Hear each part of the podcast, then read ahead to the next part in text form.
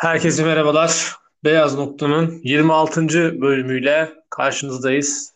Yine Mert'le birlikte derbinin e, bitimiyle birlikte sıcağı sıcağına maçı değerlendireceğiz ve Fenerbahçe'ye de deyim, e, Fenerbahçe'de es geçmeyeceğiz, es geçmeyeceğiz bu hafta yine. Öncelikle Beşiktaş'ı tebrik ediyoruz. Beşiktaş bugün 2-1'lik e, Vodafone Park'ta 2-1'lik bir galibiyet ayrıldı maçtan. Galatasaray Muhammed'in ayağından bir penaltı kaçırdı. Ve Beşiktaş üst üste 5. kez Vodafone Park'ta Galatasaray'ı yenerek e, ilk kez bu kadar uzun bir seriye imza atmış oldu. Fatih Terim de ilk kez Beşiktaş'a e, bu kadar uzun bir süredir galip gelememe serisini yakaladı. Sergen Yalçın da Beşiktaş tarihinde ilk kez üst üste iki iç saha maçında Galatasaray'ı yenen ilk teknik direktör oldu. Bunlar maçtan önemli bilgiler. Şimdi maça dair nereden başlasak bilmiyorum. Ee, önce galip gelen tarafa e, gelirsek Beşiktaş e, Larin'in aslında yani her zaman taraftarlar gözünde e, arka direk Larin diye adlandırdığımız Larin'in e, önce Nelson ve Muslera'nın mükemmel organizasyonsuzluğunun e, cezasını harika bitirdi kafa golüyle. Ardından da e, sağdan e, gelen ortada, daha doğrusu duran topta e, Necip'in arkaya aşırdığı topu, yani biz yıllarca Fenerbahçe'de Gökhan Gönül aşırmasıyla bildiğimiz aşırmayı bu, bu maçta Necip yaptı ve arka direkte boş kalan Larin'in tamamlamasıyla Beşiktaş maçı 2-1 kazandı. Öncelikle Beşiktaş için neler dersin abi? Beşiktaş'ı nasıl buldun? Sonra da e, Galatasaray'a, Muslera'ya ve Mustafa abi'de gideriz. Herkese merhaba öncelikle. Ee, güzel bir derbi oldu. Heyecanlı. Son dakikalara kadar e, iki takımın da e, oyunun içinde kaldığı, her an gol beklentisi olan e, bir maçtı. Ee, yani Beşiktaş oyuna çok baskılı başladı. Üstün oynayarak başladı. Pozisyona girdi, pozisyonlara girdi. Rakip ceza sahasının içinde hücum oyuncularını topla buluşturdu.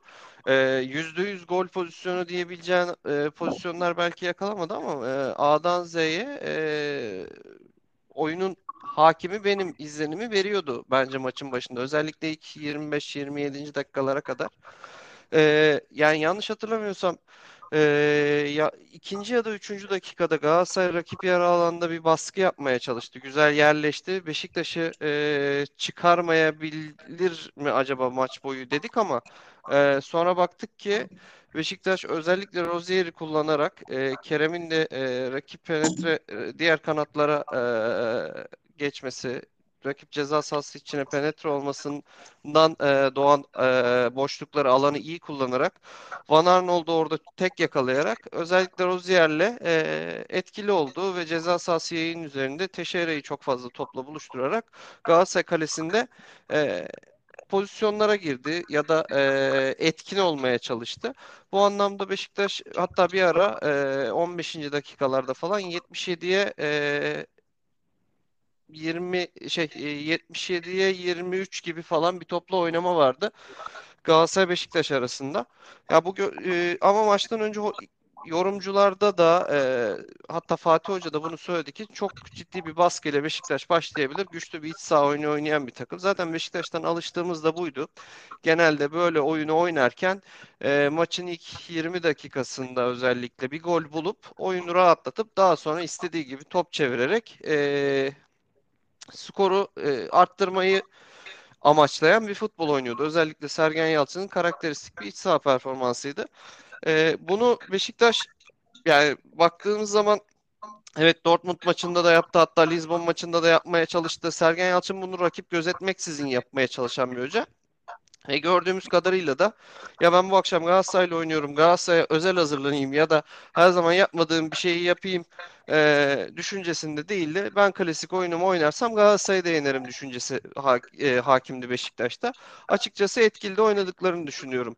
E, Galatasaray'ın silahı neydi? E, işte Jagne'yi orta sahaya kadar e, getirip rakip e, savunma oyuncularını çekip onu duvar olarak kullanıp arkasına Morutan ya da Kerem'i kaçırarak pozisyon bulurum. Gol goller bulurum. E, şeklinde bir oyun e, planı vardı. Nitekim Galatasaray bunu da yapamadı aslında. Çok fazla pozisyona da giremedi. Bu plan işledi mi diye e, bakacak olursak bu planda sahaya e, meyve vermedi. E, gitgide e, oyunun içinde Beşiktaş ha golü buldu ha golü bulacak derken çıkan bir kontra atakta ceza sahası dışından e, Çikaldağ'ın net bir vuruşu, güzel bir vuruştu aslında. Bence bilerek ayağının dışıyla oraya vurdu. E, güzel bir golle Galatasaray'ı öne geçirdi. Ama Galatasaray skoru bulmasına rağmen oyun üstünlüğünü hiçbir zaman e, alamadı. Golden sonra da alamadı. Hatta ya golden sonra böyle biraz topu tutayım, biraz tempoyu düşüreyim demesine fırsat vermeden orada e, Larin'in e, yakın direkte Nelson hemen arkasında e, ön arka direklerinin bu sefer e, ön direkte yaptığı bir gol vuruşuyla e, Beşiktaş beraberliği yakaladı. E, ya Batshuayi aslında daha önce skor üretebilirdi. E, yani güzel fırsatlar, güzel açılar buldu ama e, gol vuruşu e, çıkaramadı ya da net bir şut çıkaramadı. E, Beşiktaş'ın hemen hemen böyle Galatasaray kalesinde tehlikeli olabilecek e, net ilk gol pozisyonu, %100 gol pozisyonu diyebileceğin ilk pozisyonlardan birinde golü buldu. Burada %100 gol pozisyonu demezsin aslında bu pozisyona. Normal şartlar altında bir kalecinin çıkıp bu topu almasını beklersin ama e, tabii orada Ya çok da nefis bir orada da ya da yine durur abi mesela topu kurtarırsın mesela. İkisinden birini Ya da yaparsın. ya çıkmazsın ya çıkarsın yani. Ee, ama şey e, şimdi ortanın da hakkını vermek lazım. Çok güzel bir kenar ortası geldi. O özellikle Nelson'un hemen arkasına düşürerek yani Evet. Larin'in tam alnına e, oturan Larin'i topla buluşturmaya yönelik bir ortaydı. Ortanın hakkını vermek lazım. Nitekim Beşiktaş onunla birlikte golü buldu. Beşiktaş'ta bu akşamın e, ben Umut Meraş'ı beğendim açıkçası. Yani Beşiktaş'a geldiğinden beri etkili oyunlarından biriydi. Oyunun içine çok fazla katılmaya çalıştı. Fizik ol- olarak ayakta kaldı. Bu Beşiktaş adına güzeldi ve Josef'i çok beğendim. Beşiktaş'ta iki oyuncuyu e, ayıracak olursam bunları sayabilirim. Hakem tartışmasına gelmeyeceğim. Ben hakem maçı bir taraftan aldı, diğer tarafa verdi ya da hakem onu gördü, verdi, vermedi diyemeyeceğim maç boyunca ama e, bence Teixeira e, maçı bir sarı kartla tamamladıysa e, kendini şanslı sayması gerekiyor maç sonunda. Yani bunu şey olarak söylemiyorum. Yani Yok yok. Beşiktaş hakemle kazandı, Galatasaray hakem yüzünden kaybetti tartışması değil bu. Ee, verilen ver, verilmeyen karşılıklı birçok pozisyon vardır belki ama e, burada e, yani VAR'ın sarı kartta uyarmamasından kaynaklandığını düşünüyorum. Yani hakem gördü vermedi gibi e, bir kasıtlı bir yorumdan bahsetmiyorum. Ama e, açıkçası Teixeira bu akşam 3 hatta 4 kere sarı kart görebilecek pozisyonları varken e, sahada kalıp maçı bir sarı kartla tamamlaması da Beşiktaş adına e, oyunun şanslarından biriydi. Bence e, Beşiktaş'ı en etkili kılan şey Galatasaray'ın saha yerleşiminde az önce de anlatmaya çalıştığım Kerem'in e, rakip kanada desteğe gitmesi, Jagney'in boşalttığı alanlara girmeye çalışması, ortadan hücumlara katılması Arnold'u, e, Rozier e, ve Gezal karşısında yalnız bıraktı. Beşiktaş'ın aslında etkili gözükmesinin yegane sebebi Gol buradan gelmedi ama golden bağımsız şekilde söylüyorum. Ee, buydu. Ee, ve nitekim e, Galatasaray işte 4 dakika e, bile skoru tutamadan gol yiyince Beşiktaş e, daha da bir özgüvenlendi. Özellikle geriden geliyorsun. Derbi maçı iç sahada ilk golü yemişsin hemen karşılık vermişsin. Moraller yükseldi. E, ikinci yarı aslında Beşiktaş beklediğimden daha e, etkisiz bir oyun oynadı. Yani e, ikinci yarı çok daha az pozisyon oldu. Çok daha az ceza sahasında oyuncularını topla buluşturdu. Ama e, çok net pozisyonu yoktu da diyemem. Çünkü Larin evet arka direkte bir tane tamamladı kornerden e, Necip'in arka direğe çevirdiği topta ama bir tane de ondan hemen bir iki dakika önce Rozier'in arka direğe çevirdiği topta Yedlin son dakikada dokundu ve e, yine Larin boş ağlara e, topu göndermeden Sine Ramakkala e, bir golden faydalanamadı. E, yine Larin'in e, Larin bu akşam çok etkiliydi ya. Açıkçası e, Marka Larin, Marka Larin pozisyonu da var mesela şimdi düşündüğümüz zaman.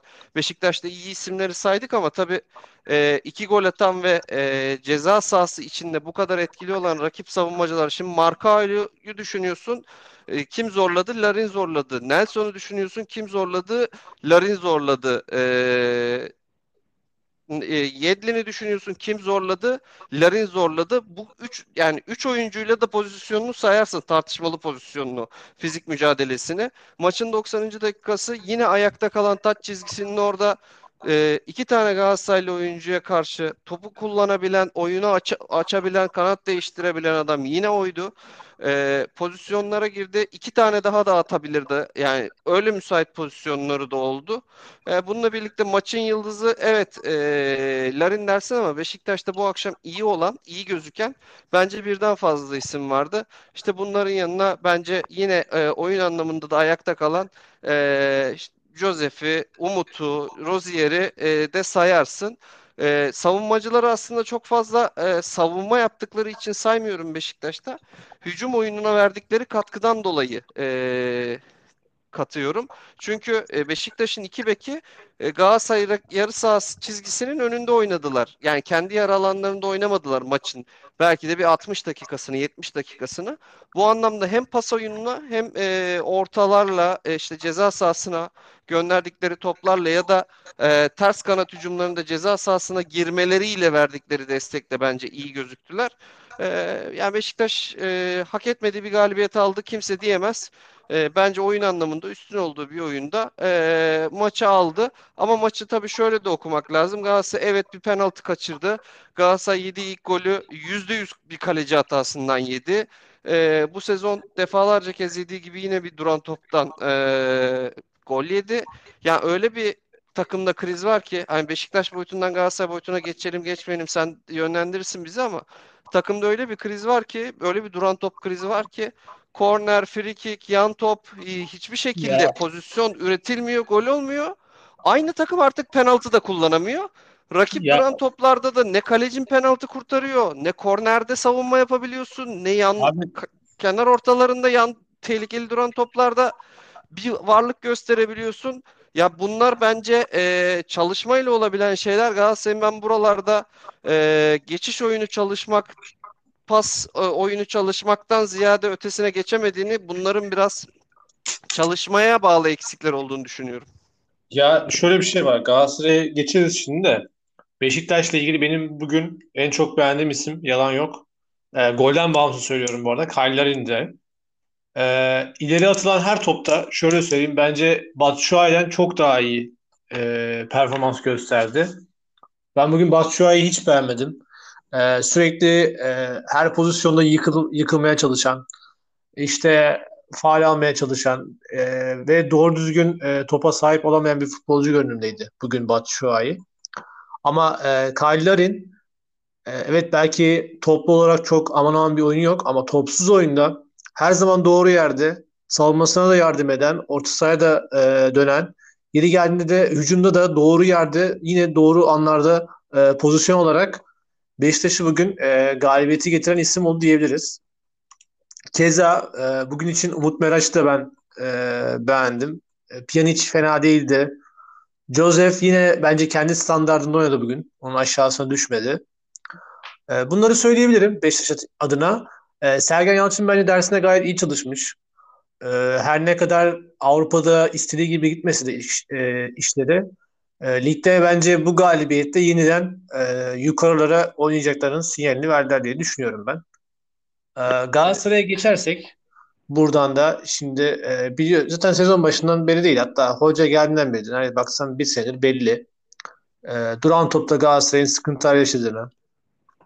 Ama yani atamamayı artık e, kanıksadım. Yani yüzden fazla korner kullandım takım. Gol atamıyor belli ki çalışılmıyor. Hiç kimse çalışıyor falan diyemez. Yani çalışan adam 10 tanesinin bir tanesini atar. Veya bir tane organizasyon görürüz. Hiçbir organizasyon yok. Pozisyona girer. Pozisyona girer. Yani pozisyon üretir ama olmaz. Direkten döner, kaleci çıkartır, çizgiden çıkartır bir şey olur. Abi kornerde organizasyon yaparsın ya. Ne bileyim bak mesela bugün Beşiktaş'ın yaptığı, attığı gol bir organizasyondur. Nedir? Ön direğe bir adamı koyarsın, arka direğe aşırır, atarsın.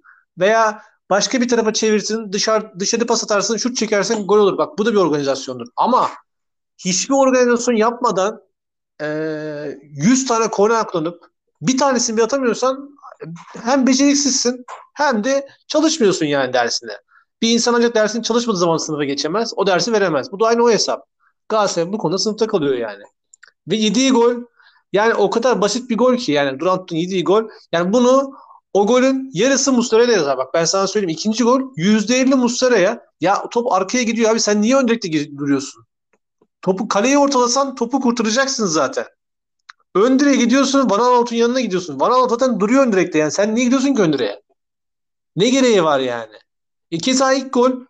Nelson'la orada hiç iletişim sağlamıyor musun sen? Ben varım, topu alacağım veya diyorum sen bir adım geri gel topu alırsın tarzında. Yani bu kadar mı iletişimsizliğiniz sıfır sizin yani? E böyle bir durumda e madem konuşmuyorsun o zaman kalende dur. Aç, hiç açılma abi. Açılıyorsa dersin ki ben geliyorum bırak o topu bana dersin. Ve alırsın. Yani böyle yarım yamalak almayla olduğu zaman adam geri kafayı çakar. Bugün Larin çakar, yar, yarın gider Lazio Immobile çakar yani. yani. Veya Konya Spor'dan başka bir oyuncu çakar. Ama çakarlar yani. Bir defa kaçırırsın, iki defa kaçırırsın. Üçüncü de gol atarlar. Özellikle de büyük maçlarda yani. Bundan bağımsız e, Galatasaray'da ben bugün e, beğendiğim 2-3 oyuncu var abi sadece. Biri her ne kadar hatalı olsa da ilk golde ben Nelson'ı gayet beğendim. Marka kendi standartında oynadı yine. Ee, onun dışında bir de e, Çıkıldağ'ı ben beğendim. Bugün gayet iyi oynadı. Ama geri kalan oyuncularımızın e, işte Mustafa'sından tut, Cagney'sine, Kerem'inden Morutan'ına veya savunmada işte Yettin, Banana. Banana yine her zamanki bir lakayak oyunu. Ama e, Muslera bence sezon sonu benim gözümde her türlü yollar ayrılmalı. Bu sezon bir şekilde bitmeli. Ama önümüzdeki sezon itibaren Galatasaray kaleye yeni bir ismi almalı. Çünkü e, Galatasaray'ın artık daha fazla kaybedecek bir zamanı yok. Muslera'nın da vermiş olduğu 2-3 şampiyonluk var. Sadece kendine aldığı 2 şampiyonluk var. Ondan bu kadar çok müsamaha gösteriyor. Başka bir kaleci olsaydı şu anda Muslera kalede, yani şu anda kaledeydi. Orası %100 kesin yani. Ve hocaya gelirsek de 2-1 olmuş. 2-2 olacak fırsat geliyor.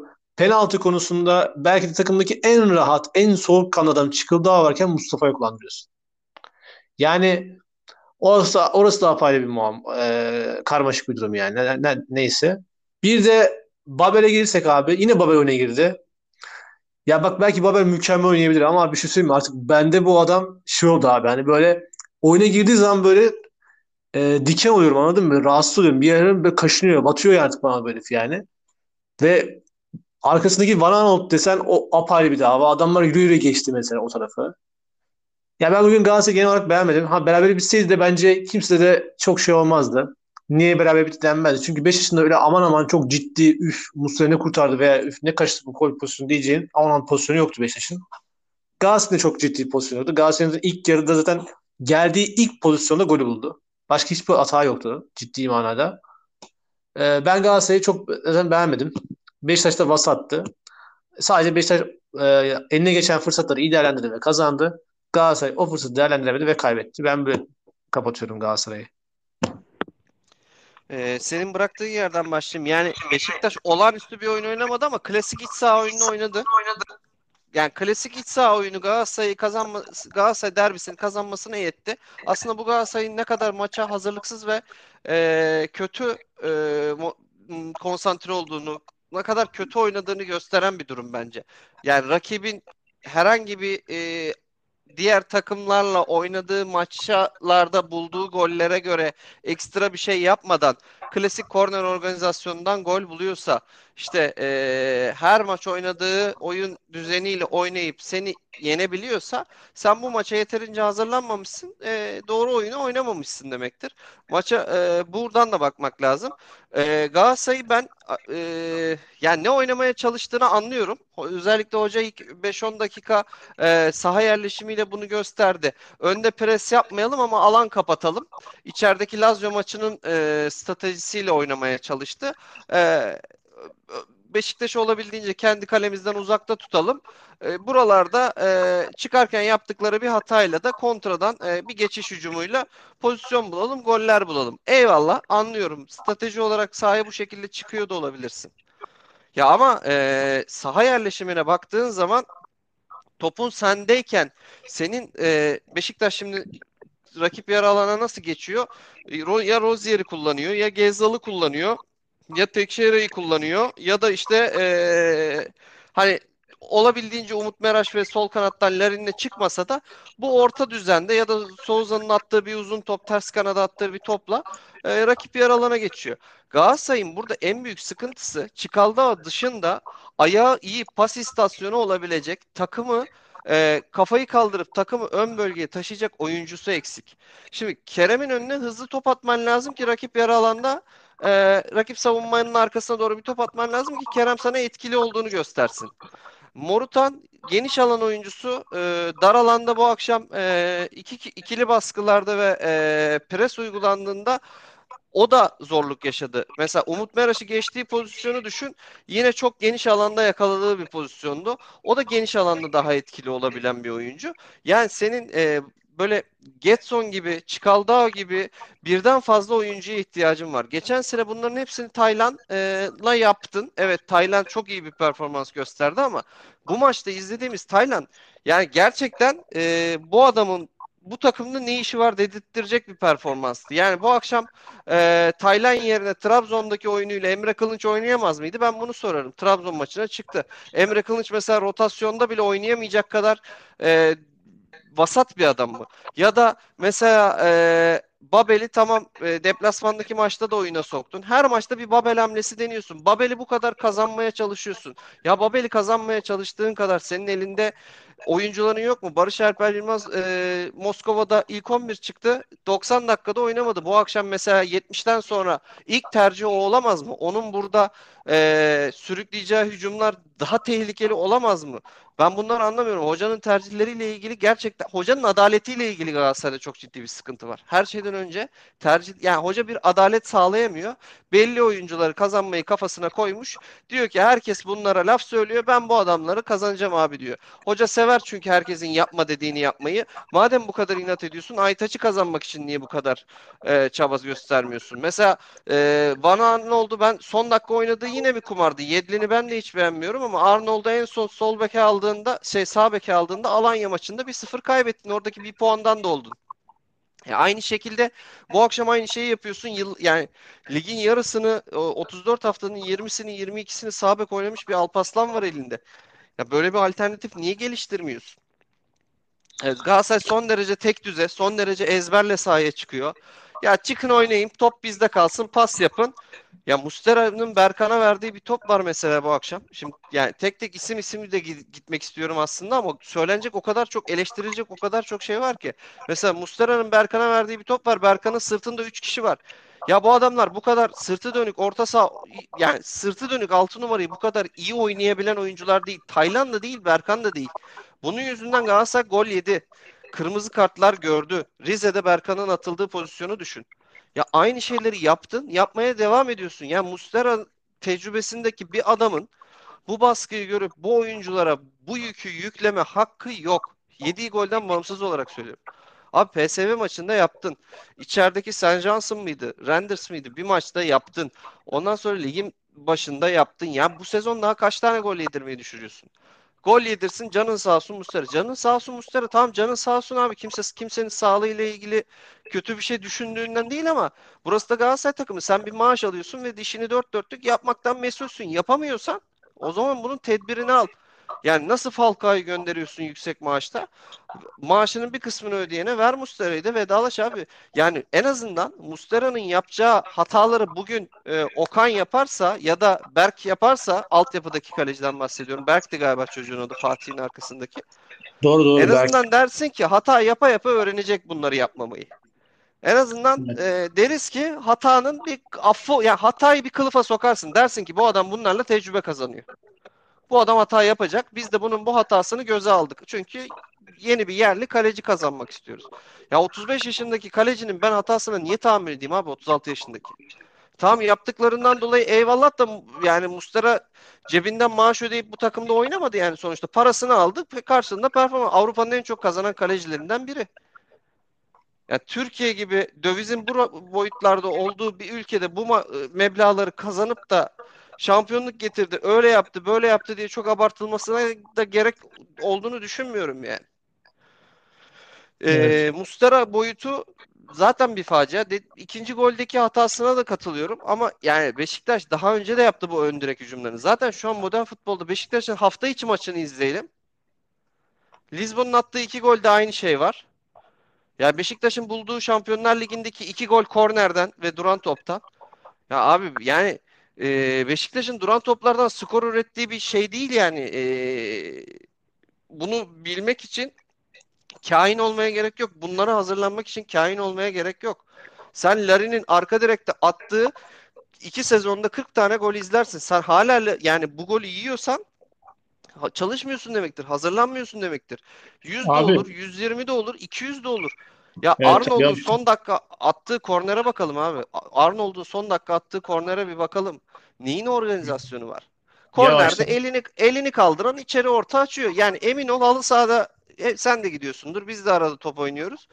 Bakarsın şöyle kafanı kaldırırsın. Ceza sahasında kim var? Birini gözüne kestirsin. Topu oraya doğru kesersin. Yani bu Galatasaray korner hücum organizasyonu bu bence duran top. Ya bu takımın yedek kulübesinde Selçuk İnan varken bu takım böyle frikik atıyorsa, böyle duran top organizasyonlarına sahipse gerçekten Selçuk'a da yazıklar olsun diyorum ben. Gerçekten Selçuk'a da yazıklar olsun diyorum yani. Toparlayalım. Ee, kısaca e, şey soracağım. Minik ama bunu pek sevmiyorum bu soruyu ama sen e, hakemi nasıl buldun? Ben genel olarak iyi bulduğumu söyleyebilirim. Karar yoktu çünkü bence. Ya şöyle Sadece Fırat Ay bir şeyle kırmızı kart görebilirdi şu an maçın sonunda. Yani o sarı kartla bitirmesi gayet hakemin e, biraz iyi niyetiyle alakalı bir şey.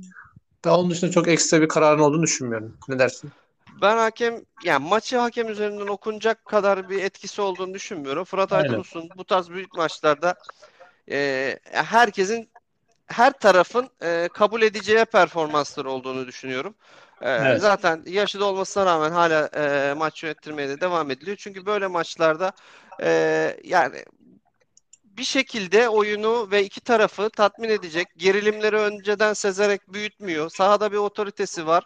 E, tansiyon e, Fırat Aydınus'un olduğu maçlarda bir nebze daha e, ölçülü gidiyor.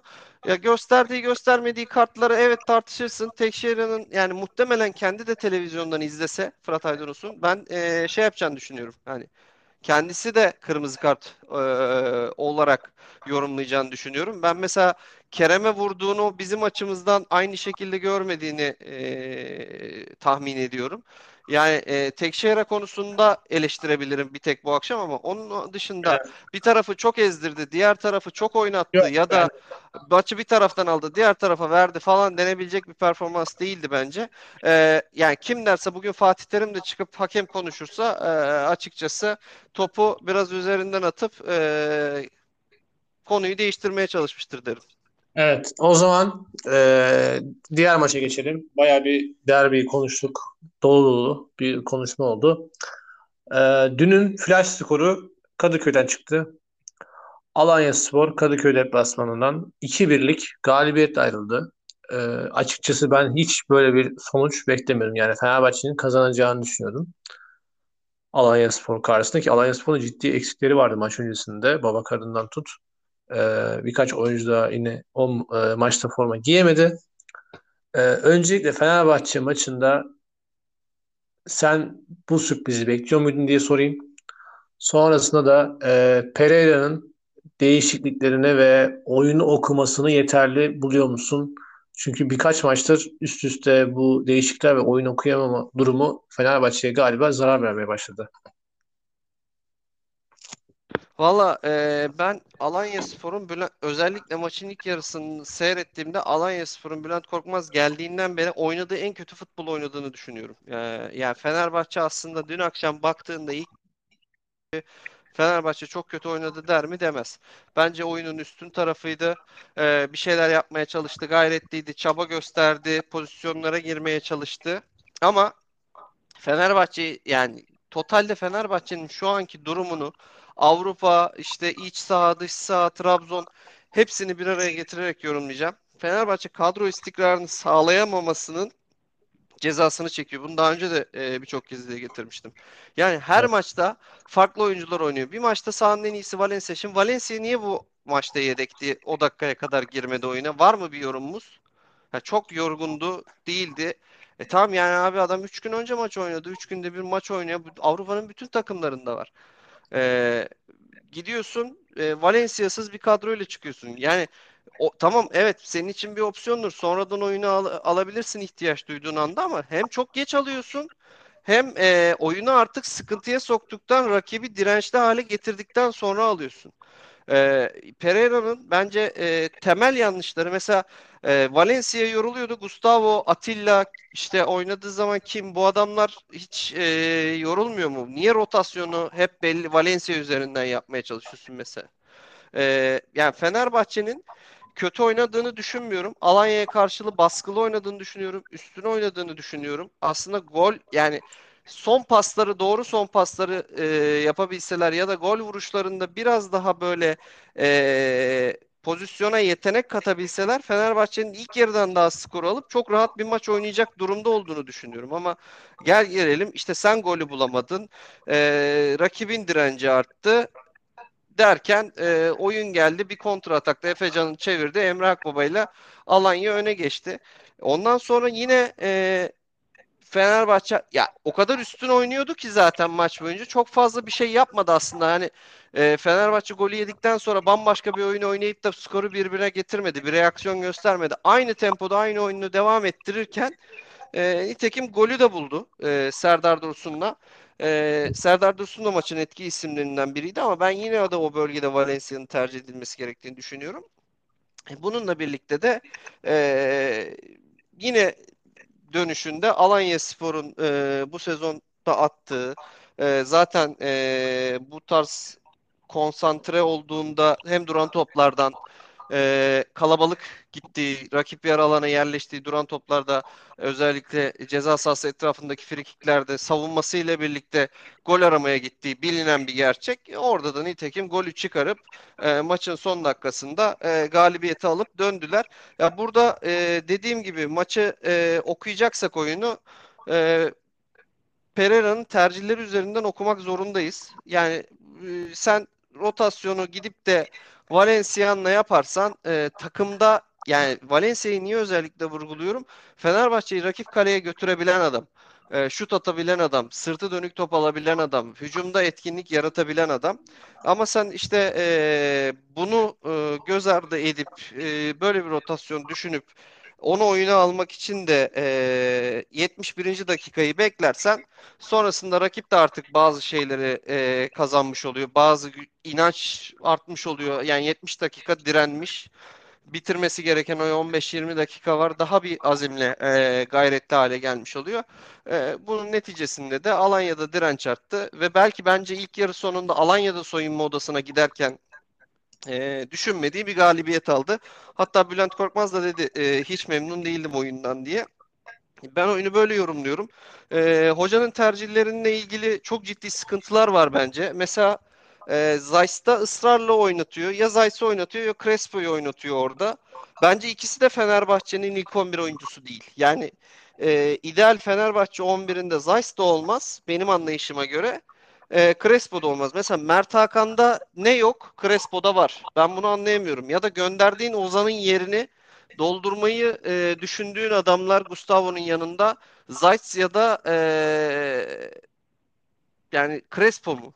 Bilmiyorum. Sonradan oyunu alıyorsun Sosa'yı. Bence Sosa e, yetenekli adam evet ama e, eski temposunda değil. Ve Sosa'nın biz geçen sene Emre Belözoğlu geldikten sonra başarılı olduğu döneme dikkat edersen Gustavo'suz tek orta saha olduğu dönemde Sosa oyunu istediği gibi çekip çevirebildiğinde daha başarılı oldu.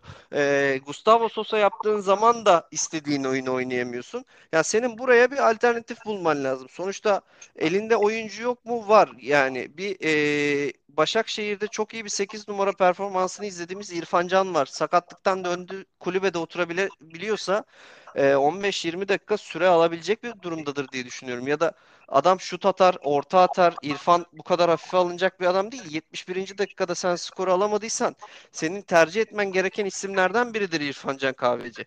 Ee, yani Ferdi'ye süre verme demiyorum ama e, Nazım kadar şansı başka oyuncular da hak ediyor. Mesela Pelkas'ı e, tamam 4-3-3'ün e, sağında ya da solunda oynatıyorsun.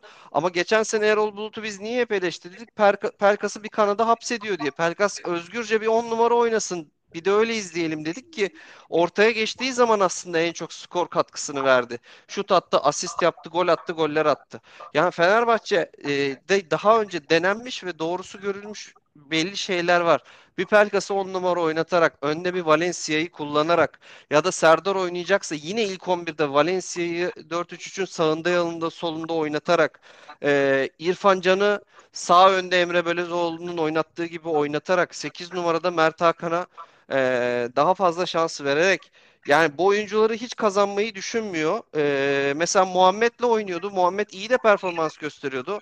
Son zamanlarda Muhammed'e forma vermemeye başladı. Forma adaletini neye göre sağlıyor bilmiyorum. Ama Fenerbahçe'de oynayan oyuncuların hepsini baktığın zaman 40 dakika oynuyor, 60 dakika oynuyor, 20 dakika oynuyor.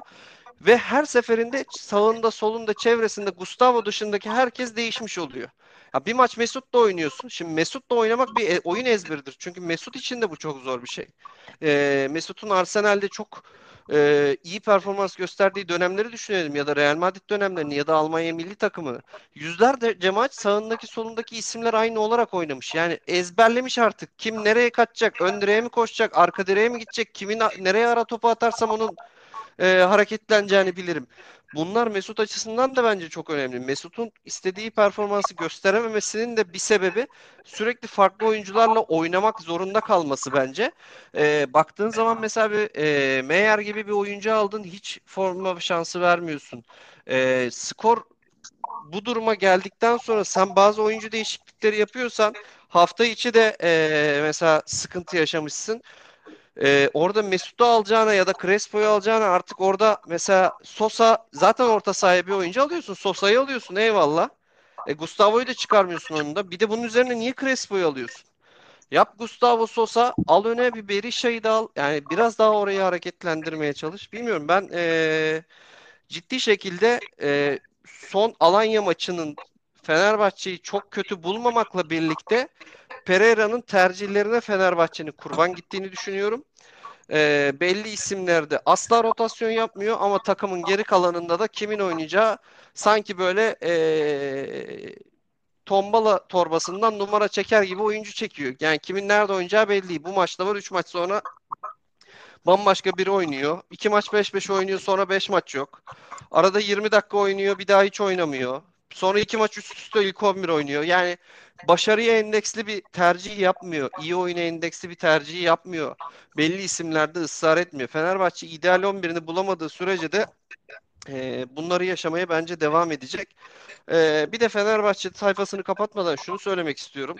E, yani bu hafta çok eleştirildi Ali Koç tabii bu havaalanı e, konularından dolayı ama e, ben de eleştiriyorum. Yani Fenerbahçe başkanının ve özellikle Ali Koç gibi bir adamın Koç Holding'in e, ele attığı ülkenin en e, üst düzey iş adamlarından birinin elde megafon Mesut gel sen biraz konuş Altay biraz sen konuş Trabzon'dan biz geliyoruz herkes havaalanına gitsin e, diyerek kulüp yönetmesini ben kabul edemiyorum. Profesyonellikten çok uzak bir bakış açısı.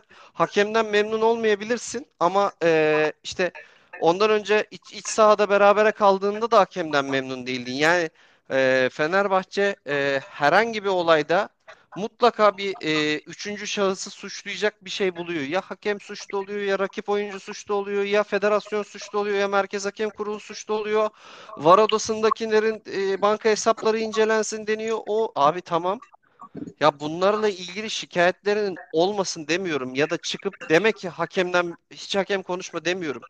Ama yani sen Trabzon'da yenildikten sonra e, başını öne eğmiş şekilde takım otobüsüne gidecek e, gitmesi gereken oyuncularını kahraman gibi havaalanında karşılatıp onlara konuşma yaptırırsan e, bu oyunculara e, kötü gidişin yükünü yükleyemezsen bu oyunculardan performans da alamazsın. Fenerbahçeli oyuncu kendini niye zor durumda hissetsin abi? Niye, Abi- yani ne ol, niye ki Fenerbahçeli oyuncu kendini strese soksun? Zaten diyecek ki başkan çıkar birazdan topu hakeme atar, hocaya atar, ona atar, Ahmet'e atar, Mehmet'e atar. Ben yine bakarım dalgam haftaya gene çıkarım ilk 11'de topumu oynarım. Olursa olur olmazsa olmaz der.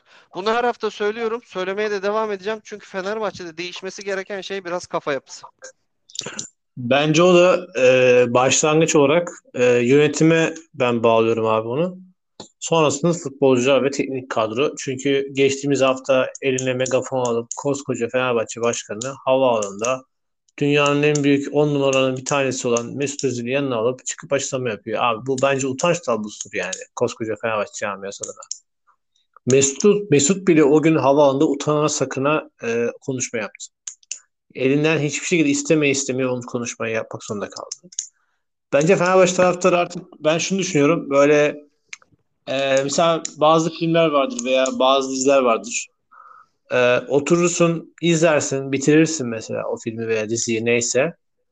Aradan böyle bir 6 ay geçer, bir yıl geçer. Dersin ki ya şunu açın da izleyeyim bir şey yani acaba hani bu sefer belki bir şey yakalarım falan filan diye. Ben Fenerbahçe'nin artık bu döngüye girdiğini düşünüyorum abi.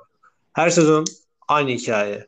Sezon başında mükemmel transferler. Hoca tran hoca geliyor, yeni hoca geliyor. Bu sefer şampiyonuz. Ligin ilk 6-7 haftası çok iyi bir başlangıç. Evet bu sene o sene bizim senemiz vesairesine giriş. Ama ligin her zaman 10. haftası 11. haftasından sonra alınan ilk yenilgide veya e, yani hakem hataları elbette olacak. Yani bugün mesela diyoruz ki yani mesela Teşekkür kırmızı kart görebilirdi veya atıyorum başka bir maçta diyoruz ki mesela atıyorum şu X oyuncu e, penaltısı verilebilir çıkabilirdi gibi gibi. Bunlar her zaman olacak. Dünyanın her yerinde hakem hataları elbette oluyor yani. Ama Fenerbahçe taraftarı herhangi bir hakem hatasında bu sene bizim üzerimize oyun, oyunlar oynanıyor. Bu sene bizi şampiyon yapmayacaklar. Ee, sürekli kendine bir düşman edinme e, kisvesine gidip o kisve altında kendi gerçeklerinden uzak e, ve hatalarını e, örtbas edecek bir e, kılıfa bürünüyorlar abi. Bence bu çok hatalı bir e, düşünce yapısı. Fenerbahçe bundan ne zaman kurtulduğu takdirde o zaman ligde sezon sonuna kadar şampiyonluk yarışına kalabilecek. Ama bundan kurtulmayıp sürekli olarak etrafında dış etmenlerle uğraştığı müddetçe yönetiminden teknik kadrosunun taraftarına herkes için geçerli bu durum. O zaman Fenerbahçe şampiyon olamayacak. Fenerbahçe'nin en son şampiyon olduğunu hatırlayalım. Muhteşem bir kadrosu vardı. Yani belki olağanüstü, mükemmel değil ama çok iyi bir kadrosu vardı. Ee, o iyi kadroyu da e, Ersun Yanal o dönemki iyi oyunuyla taşlandırdı. Ondan sonra da bir daha hiçbir şekilde Fenerbahçe şampiyon. Neden şampiyon? Hep aynı sebepler abi. Hakemler işte e, neydi adı Fut, şey futbolcular atıyor kötü zaman bile ama her şey hakemler, federasyon, MHK. Abi böyle lig bitmez. Yani abi, Galatasaray lig hiçbir şey lig bitmez. kamuoyu geçer yani.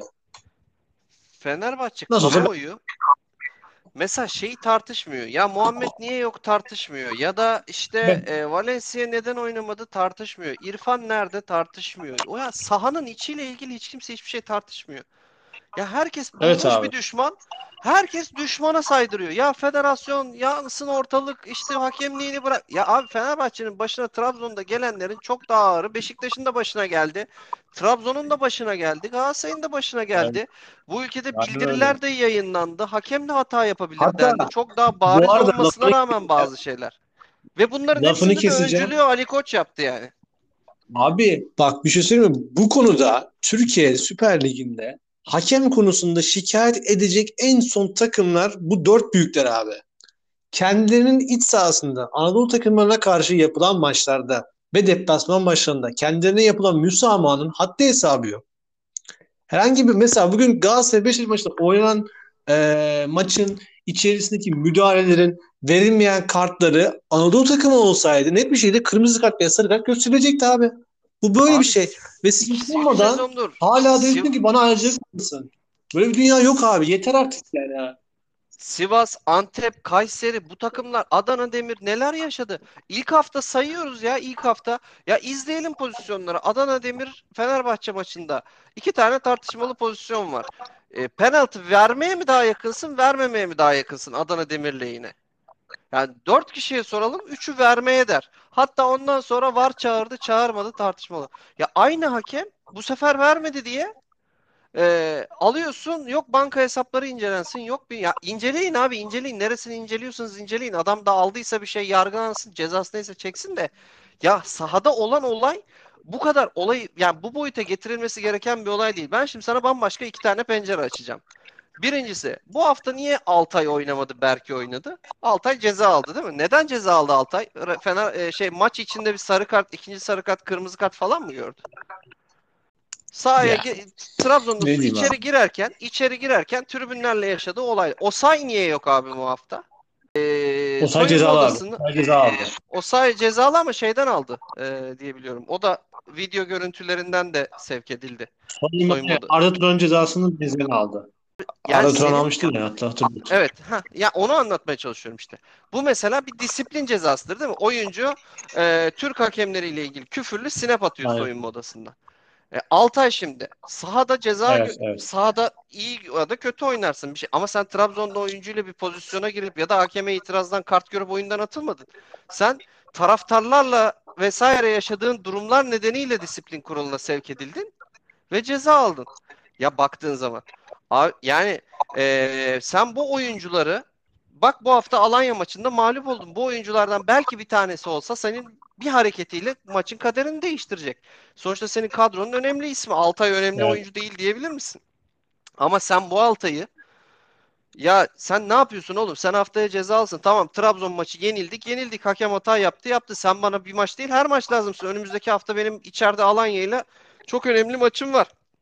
Sen, sen ne yapıyorsun sen? Kendine gel yani. Senin Evet. ne hakkın var böyle şekilde takımı eksik bırakmaya deyip Altay'a para cezası vereceğine, Osayi'ye para cezası vereceğine gidip havaalanında bu oyuncuları eee, omuzlarda taşıtıp gel Altay bir daha al megafona açıklama yap diye konuşma yaptırırsan ya sen bu takımda neyin disiplinini sağlayacaksın? Sen takımını yalnız Aynen bırakan öyle. oyuncuyu İstanbul'da havaalanında kar- kahraman gibi karşılatıp açıklama yaptırıyorsun. Ondan sonra da e, Neyse. işte o suçlu bu suçlu. Ya herkes biraz çuvaldızı kendine batırması lazım. Ee, diyorum Fenerbahçe kötü oynamadı. Kötü oynamadığı bir maçta iç sahada mağlubiyet aldı. Ee, ama bu tarz mağlubiyetleri almaya da devam edecek. Bu şekilde e, bu tercihlerle yoluna devam ederse Fenerbahçe'nin çok derin, belki de Türkiye'nin en derin kadrosu var. Ama e, bu derin kadro e, eldeki derinlikte kullanılmıyor. Belli oyuncular zaten oynuyor. Onun dışında da kimin oynadığı asla belli değil. Neye göre oynadığı da belli değil. Performanstan bağımsız bir tercih yapılıyor. Ve e, çok iyi olma potansiyeli olan, çok yüksek bonservis bedelleri ödenmiş olan bazı oyuncular da asla forma giyemiyor. Fenerbahçe'nin şu an temel problemi bunlar. Önce bunları çözmesi lazım. Sonra da biraz oyuncularına sorumluluk vermesi lazım. Oyuncularını eleştirmesi lazım. Ee, Fenerbahçe'de yenilen oyuncu boynunu büküp tünelden girip önümüzdeki hafta kafasını tribünlere utancından kaldıramayacak duruma gelmesi lazım ki Fenerbahçe bazı şeylere reaksiyon göstersin. Evet abi. Şimdi çok uzun çok uzun bir bölümümüz oldu ama ben eee, şeyi konuşmak istiyorum aslında ama ya acaba konuşmasak mı? Neyse iki dakikada onu bahsedelim. Abi Muhammed Salah için eee, kısaca iki dakikalık süremiz var. Çok fazla süremiz yok. İki dakika içerisinde Muhammed Salah şu an artık hangi seviyede? Yani Messi, Ronaldo artık bitiyor diyoruz ama yavaştan onların dönemi kapanmak üzere. Mbappe, Haaland derken e, Muhammed Salah son 5-6 haftadır hatta 10 haftadır üst üste gol atıyor. Çok ekstra bir performans gösterdi ve e, dün e, akşam Manchester United karşısında 3 gol 1 asiste 5 gollü maçın 5-0'lık maçın daha doğrusu 5-0'lık e, maçın resmen maçın e, adamı oldu. E, neler diyeceksin kısaca? 2 dakikalık süremiz var. Çok fazla yok. Düşünceni alayım. Ee, aslında sen e, çok sıkı bir Premier Lig takipçisin. Benden çok daha derin yorumlar yapabilirsin ama şunu söyleyebilirim Muhammed Salah için. Ee, sürekli şey diyoruz ya bu sene yani özellikle ilk çıktığı böyle Liverpool'un ilk ivme yakaladığı zamanlarda prime dönemi buydu. Bu adamın verebileceğinin maksimumu buydu gözüyle bakıyoruz hep. Yani kimse Muhammed Salah'ı düşünürken ya bu adam bunun daha fazlasını da yapar diye düşünmemiştir. Ben de düşünmüyorum izlerken. Ama adam her seferinde e, bizi şaşırtıyor. Üstüne bir tuğla daha koyuyor, bir tuğla daha koyuyor ve artık e, şu an fantastik bir boyuta ulaştı. Premier Lig çok gerçekten çok zor bir lig. Böyle e, işte Messi'nin mesela La Liga'dan kop İspanya Ligi ile falan karşılaştıramazsın. Premier Lig'in e, oyun disiplinini de, sertliğini de, işte fizik yeterliliğini de bu kadar fizik gücün üst düzeyde olduğu birlikte bu kadar e, teknik bir oyuncunun inanılmaz bir performansını gösteri seyrediyoruz. E, yani Manchester United'ı sütlese etti adeta. Ee, önce sonrasında peş peşe attığı 3 golüyle e, sağdan sildi. Ee, ya şimdi herkes Manchester United'ın 10 kişi kalmasına bağlıyor oyunu ama Liverpool bence ondan çok bağımsız ve net bir oyun oynadı. Yani e, oyunu oraya indirgemek de çok yanlış olacak. Muhammed Salah'ın yaptıklarını e, rakibin eksik kalmasına hiç bağlayamazsın. Ya dikine gidişleri e, artık böyle o e, sanki 18-19 yaşındaki Messi'nin bir özgüveni vardı ya e, topu alıp kafayı eğip rakip kaleye evet. kadar basa bas. Ya Muhammed Salah şu an onu falan yapmaya çalıştı ve bu adam o yaşlarda değil yani. Çok tecrübeli oyun olgunluğunu kazanmış ve birçok başarıyı elde etmiş bir adam. Ee, yani nazar değmesin ne diyeyim çok bir futbol sever olarak ve bir Liverpool'u e, seven bir e, futbol sever olarak e, çok mutlulukla izliyorum e, performansını. E, onun dışında yani bu iki dakikanın içine sen de Muhammed Salah yorumunu yap ama e, Solskjaer çok sıçrıyor bu ara. Hafta içi Atalanta maçıyla gidecekti. E, şimdi Liverpool maçıyla gider diye düşünüyorum. Yani çok iyi ötelerlerse de e, birkaç hafta içinde illaki bir yenilgi daha gelecek ve Solskjaer bence e, Manchester United'la artık e, iyice e, zayıf bir bağa sahip. Ee, şimdi önce United'la başlayayım. Sen United'la bitirdin. United abi zaten Solskjaer bu maçtan sonra kovulmadıysa United yönetiminin ayıbıdır. Bu Süper Lig gurmesi bir insan olarak bunu söyleyeyim.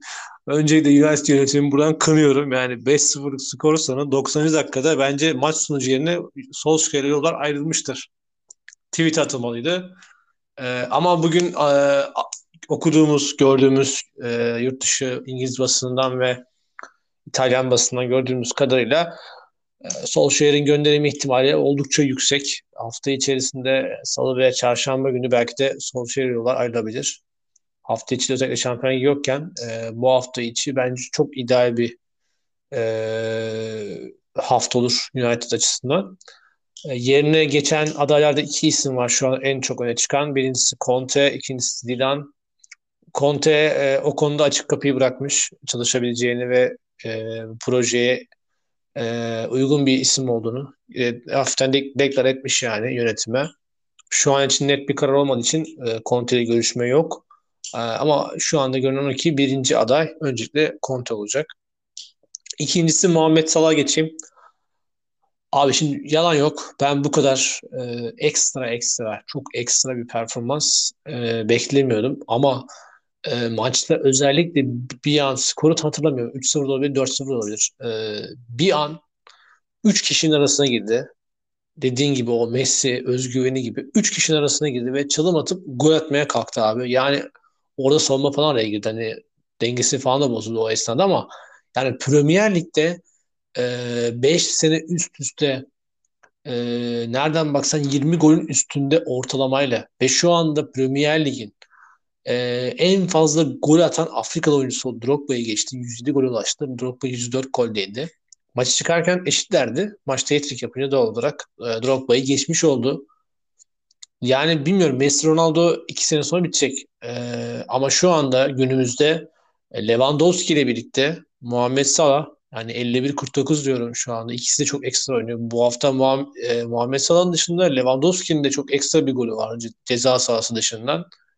Yani Haaland Mbappe diyoruz ama daha Haaland Mbappe gelesiye kadar görünüyor ki e, Salah ve Lewandowski e, daha biz varız diyor. Keza Benzema da e, her ne kadar bu isimlerin arasındaki kısabiliriz ama Muhammed Salah şu an biraz Premier Lig'in onu da söyleyeyim abi. Premier Lig'in biraz PR e, seviyesiyle o e, oyunun ekstrası elbette var ama e, Premier Lig PR'ı sayesinde şu an belki de e, aktif oyuncular arasında en iyi oyuncu diyebiliriz Muhammed Salah için. Hem Messi'nin önünde hem Ronaldo'nun önünde. E, tamamıyla formuna bağlı olarak söylüyoruz bunu. Yoksa genelde benim gözümde Messi ve Ronaldo'dur her türlü. E, Muhammed Salah için ben şeyi bekliyorum. Eğer bu performansını Premier Lig seviyesinde bu sezon devam ettirirse yani acaba e, Ballon d'Or değil belki ama şeyi al- alabilir mi düşünüyorum. Gol anlamında. Altın, altın ayakkabı ödülünü. Yani Premier Lig'de abi sen de biliyorsun ki yani çift haneli skor üretmek normal bir ligin en az iki üç katı zor. Hani bunu başarabilen zaten futbolcu sayısı da az. Ve Salah bunu e, ayrıca Salah'la ilgili şöyle bir istatistik daha var. Muhammed Salah Premier Lig'de Old Trafford stadında hat-trick yapan ilk oyuncu oldu abi. Yani koskoca Old Trafford'da hat-trick yapabilen Premier Lig tarihinin ilk oyuncu oldu. Premier Lig kurulundan bir yana. Öncesini bilmiyoruz. Öncesinde muhakkak vardır. Ondan önce de bu arada Premier Lig'de, Premier değil hani Old Trafford'da hat-trick yapan son oyuncu da Ronaldo abi. Brezilya Ronaldo. Fenomen o. Yani yaptığı işin daha e, ekstrasını daha anlatmamıza gerek yok diye düşünüyorum. Şu anda e, Mısırlı futbol severler muhtemelen e, kendisi hakkında övgüden de öte şeyler söylüyorlardır. E, bize de e, böyle futbolcuları izlemek tabii ki de çok büyük keyif, çok büyük haz e, deyip Muhammed Salah e, eşliğinde bu haftalık bölümü burada kapatıyoruz. Çok uzun bir bölüm oldu ama bence değdiğini düşünüyorum. Derbiyi de konuştuk, her şeyi konuştuk. Önümüzdeki hafta tekrardan görüşmek dileğiyle. Hoşçakalın. Umuyorum bizi dinleyenler de keyif alır. Güzel, bizim açımızdan güzel bir bölümdü. Ee, herkese sevgiler, selamlar.